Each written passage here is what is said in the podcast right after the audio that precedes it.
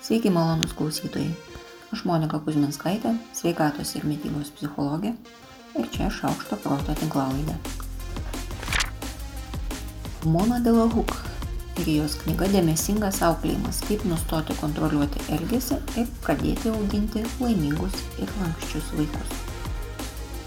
Kai vaikas prieštarauja, pyksta, verkia ir spiriojasi, tai ne problema, tai jau pasiekmė ir būtent šis mažas skirtumas įvardyjime turbūt ir atidaro duris į visai kitokį problematiško vaiko elgesio sprendimą.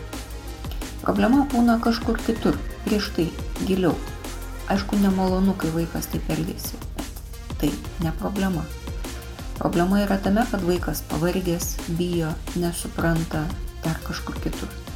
Bandydami pataisyti elgesį, prieštaravimą, pyktį, verkimą, o ne padėti vaikui spręsti tikrąją priežastį, niekada nepasieksim gerų rezultatų ir nepadėsim vaikui aukti atspariam, savarankiškam ir todėl laimingam. Ši knyga yra puikia proga, skaitant apsvarstyti savo elgesio strategijas ir palengvinti gyvenimą visiems. Valgyti veidrodžių karalystėje. Užtenka matyti savo, valgančių, ką nors neįtin sveiko atspindį, kad imtumėm blogai galvoti, ne, ne apie save, apie maisto skonį. Keista ar nekeista, bet galva valgime dalyvauja gerokai daugiau, negu kad ji pati leidžia mums apie tai žinoti. Tyrėjai teigia, kad stebint save veidrodyje, o tai yra vienas iš efektyviausių savistabos būdų, sunku patiriamą diskomfortą priskirti savo todėl imamasi sekančio artimiausio taikinio valgomo maisto. Taip, kai matom save, valgyti pasidaro neskanu. Norą valgyti mažina ir bendro pabudžio savęs suvokimo padidinimas. Eksperimente dalyviams parodžius prieš tai nesėkmingai atliktos užduoties video įrašą, dalyviai suvalgė gerokai mažiau ledų negu tie dalyviai, kurie šio įrašo nematė, kurie žiūrėjo filmą apie gamtą arba nežiūrėjo nieko. Šį paveikslą papildo ir kiti tyrimai.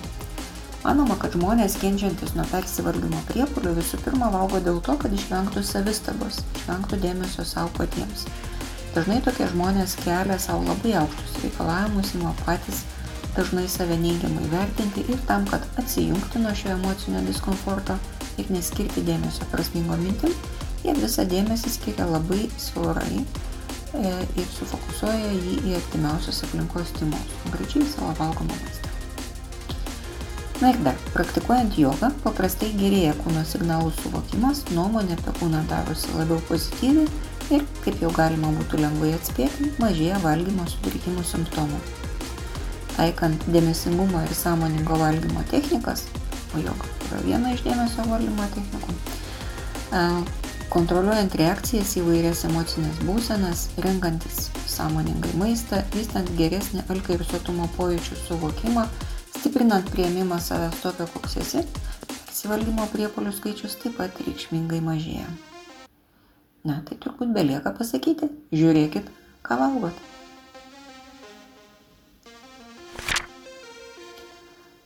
Kuo daugiau judi, tuo labiau nori valgyti, taip? Taip? Ne.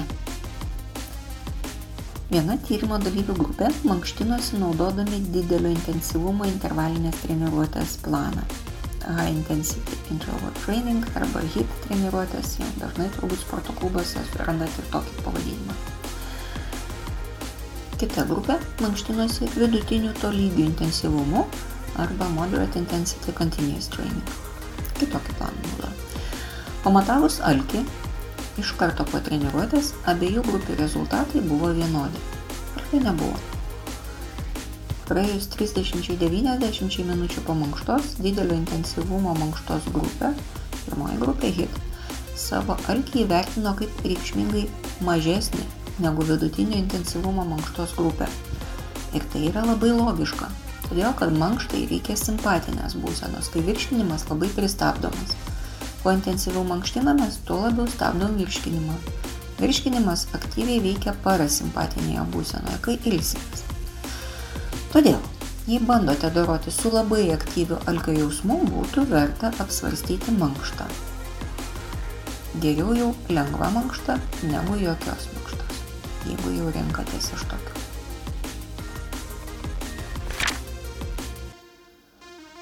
Tėvai riboja maistą savo vaikams, jei jie nemėgsta žmonių su viršsvoriu ir kaltina kitus tėvus dėl per didelio jų vaikų svorio.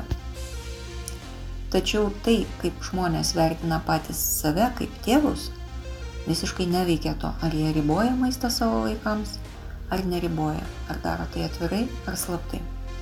Maisto ribojimas tai yra paprasčiausia kasdieniai maisto draudimai. Saldainių nevalgyk, valgyk tik vieną, mes kolos negeriam ir panašiai panašiai. Bet įdomu tai, kad e, taip tėvai neigiamą požiūrį kitus e, žmonės perkelia ant savo vaikų ir savęs iš tą paveikslą visiškai neįpina. Gal ir kiek keistai, bet reiškinys vis tik vyksta toks. Kaip žmonėje, jau spėjome suprasti, kad kompiuteriniai žaidimai turtinga ir pavojinga sritis. Dalis žaidžiančių kompiuterinius žaidimus baigia žaisti patiria depresijos simptomus Kadangi tai yra reikšmingas noro žaisti ir to pagrindu besivystančios priklausomybės veiksnys, jie be abejo stengiamės suprasti kuo geriau, kas čia per depresiją ir kaip su ją dorotis. Tyrimo rezultatai rodo, kad žaidėjai gali patirti labai ryškius, daug minčių provokuojančius ir emocijomis persunktus patyrimus po žaidimo per sukurtus santykius su žaidimo veikėjais. O netekę šio patyrimo, jie patiria labai stiprią malonumo netekti Ir tai sukelia depresiją ir taip sukelia norą žaisti dar ir dar, grįžti atgal į buvusių santykių, o ne staiga jo netikti. Ir tokias situacijas galime išvengti tik tada, kai žaidimas baigėsi žaidėjo sėkme arba yra sąmoningai suvokiamas kaip asmeninio augimo situacija. Reiškia, reikia kažkokio tai atsiribojimo nuo paties žaidimo ir neįsitraukimo iki ausų, ausų galiukų į žaidimą. Na, jeigu jau čia sutrumpinti visiškai šio tyrimo rezultatus, tai žaidimuose svarbu laimėti.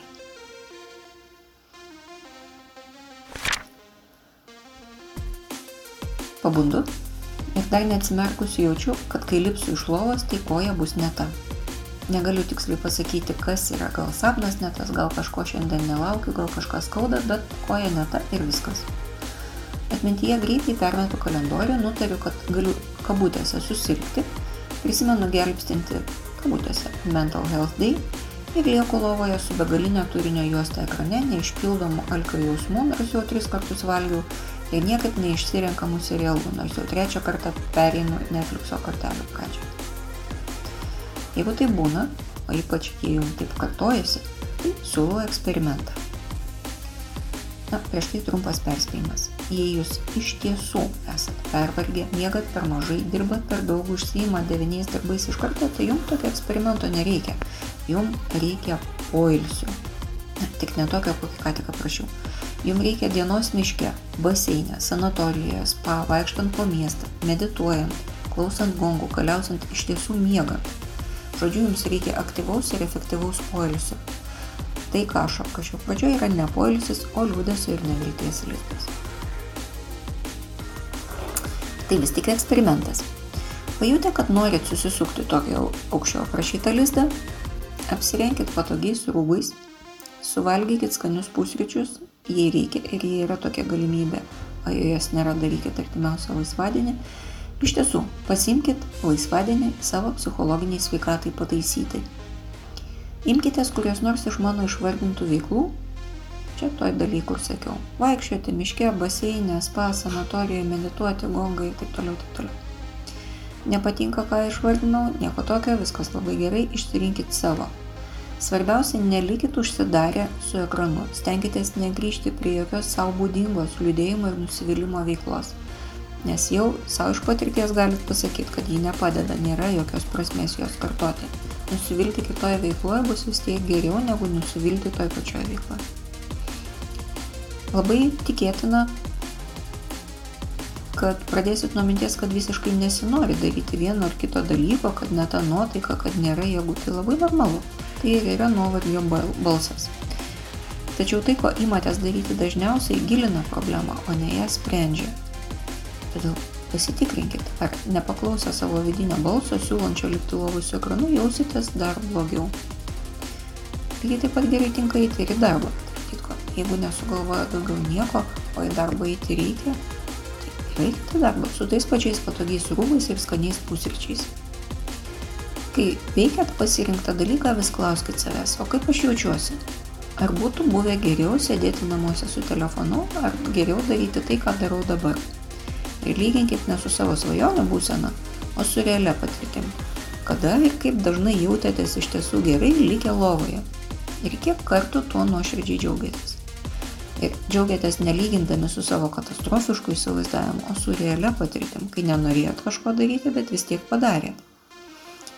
Ir svajonių fantastiški ir nuspėjami košmariški scenarijai dažniausiai yra nerealūs. Nei likti lovoje bus taip gerai, nei eiti į darbą bus taip blogai. Efektyvesnė strategija yra neversti save kažką daryti ir koncentruotis į tai, kaip tai sunku, o ieškoti mažų džiaugsmų pakeliui, darant tai, kas buvo suplanuota arba kas yra reikalinga šiuo momentu. Dienos pabaigoje palyginkit realius patyrimus ir įsiminkit tą jausmą, kuris jums padės pasirinkti geresnį sprendimą kitą kartą. Pergalės jausmas prieš melagingą norą yra tikrai labai slidus. Eksperimentas yra viena iš dažnai naudojamų technikų kognityvinė elgesio terapija. Eksperimentas yra skirtas patikrinti įsitikinimo teisingumui. Įsitikinimai yra saliginai tvirti, bet nebūtinai teisingi sprendimai, kuriuos naudojam nekritiškai, nebetikrindami kiekvieną kartą jų teisingumą. Klaidingi įsitikinimai gali metų metais mus vesti neteisingų kelių, taip ir nesuprantant, kas su manim, ar su pasauliu, ar su kitais yra negerai. Eksperimentas leidžia atpažinti klaidas įsitikinime ir stovint akistatoje su nauja informacija jį pataisyti, perkonstruoti iš naujo. Na, bus ypatingai gerai, jeigu pasidalinsit savo pastebėjimais komentaruose ir taip visi kartu vieni kitiem padėsit. Jei numanot, koks klaidingas įsitikinimas yra vertas eksperimento, pasidalinkit. Labai lauksiu, bandysim kartu sugalvoti, koks eksperimentas gali būti atliktas su tokiu įsitikinimu. Šiai savaitėjai tiek, dienoraščio šią savaitę nebus, buvau užsiemus visai kitais reikalais. Aš, Monika Kuzminskaitė, sveikatos ir mytybos psichologė, padedu spręsti kasdienius ir sudėtingus elgesio, mąstymo ir emocijų klausimus. Rašau, skaitau paskaitas, teikiu psichologinės konsultacijas. Mane rasit Vilniuje, Gošloto gatvėje arba socialiniuose tinkluose vardu Šaukštas Proto. Rašykit man asmenę žinutę socialiniuose tinkluose arba elektroniniu paštu adresu šaukštas.proto atgmail.com. chicos, eramidas.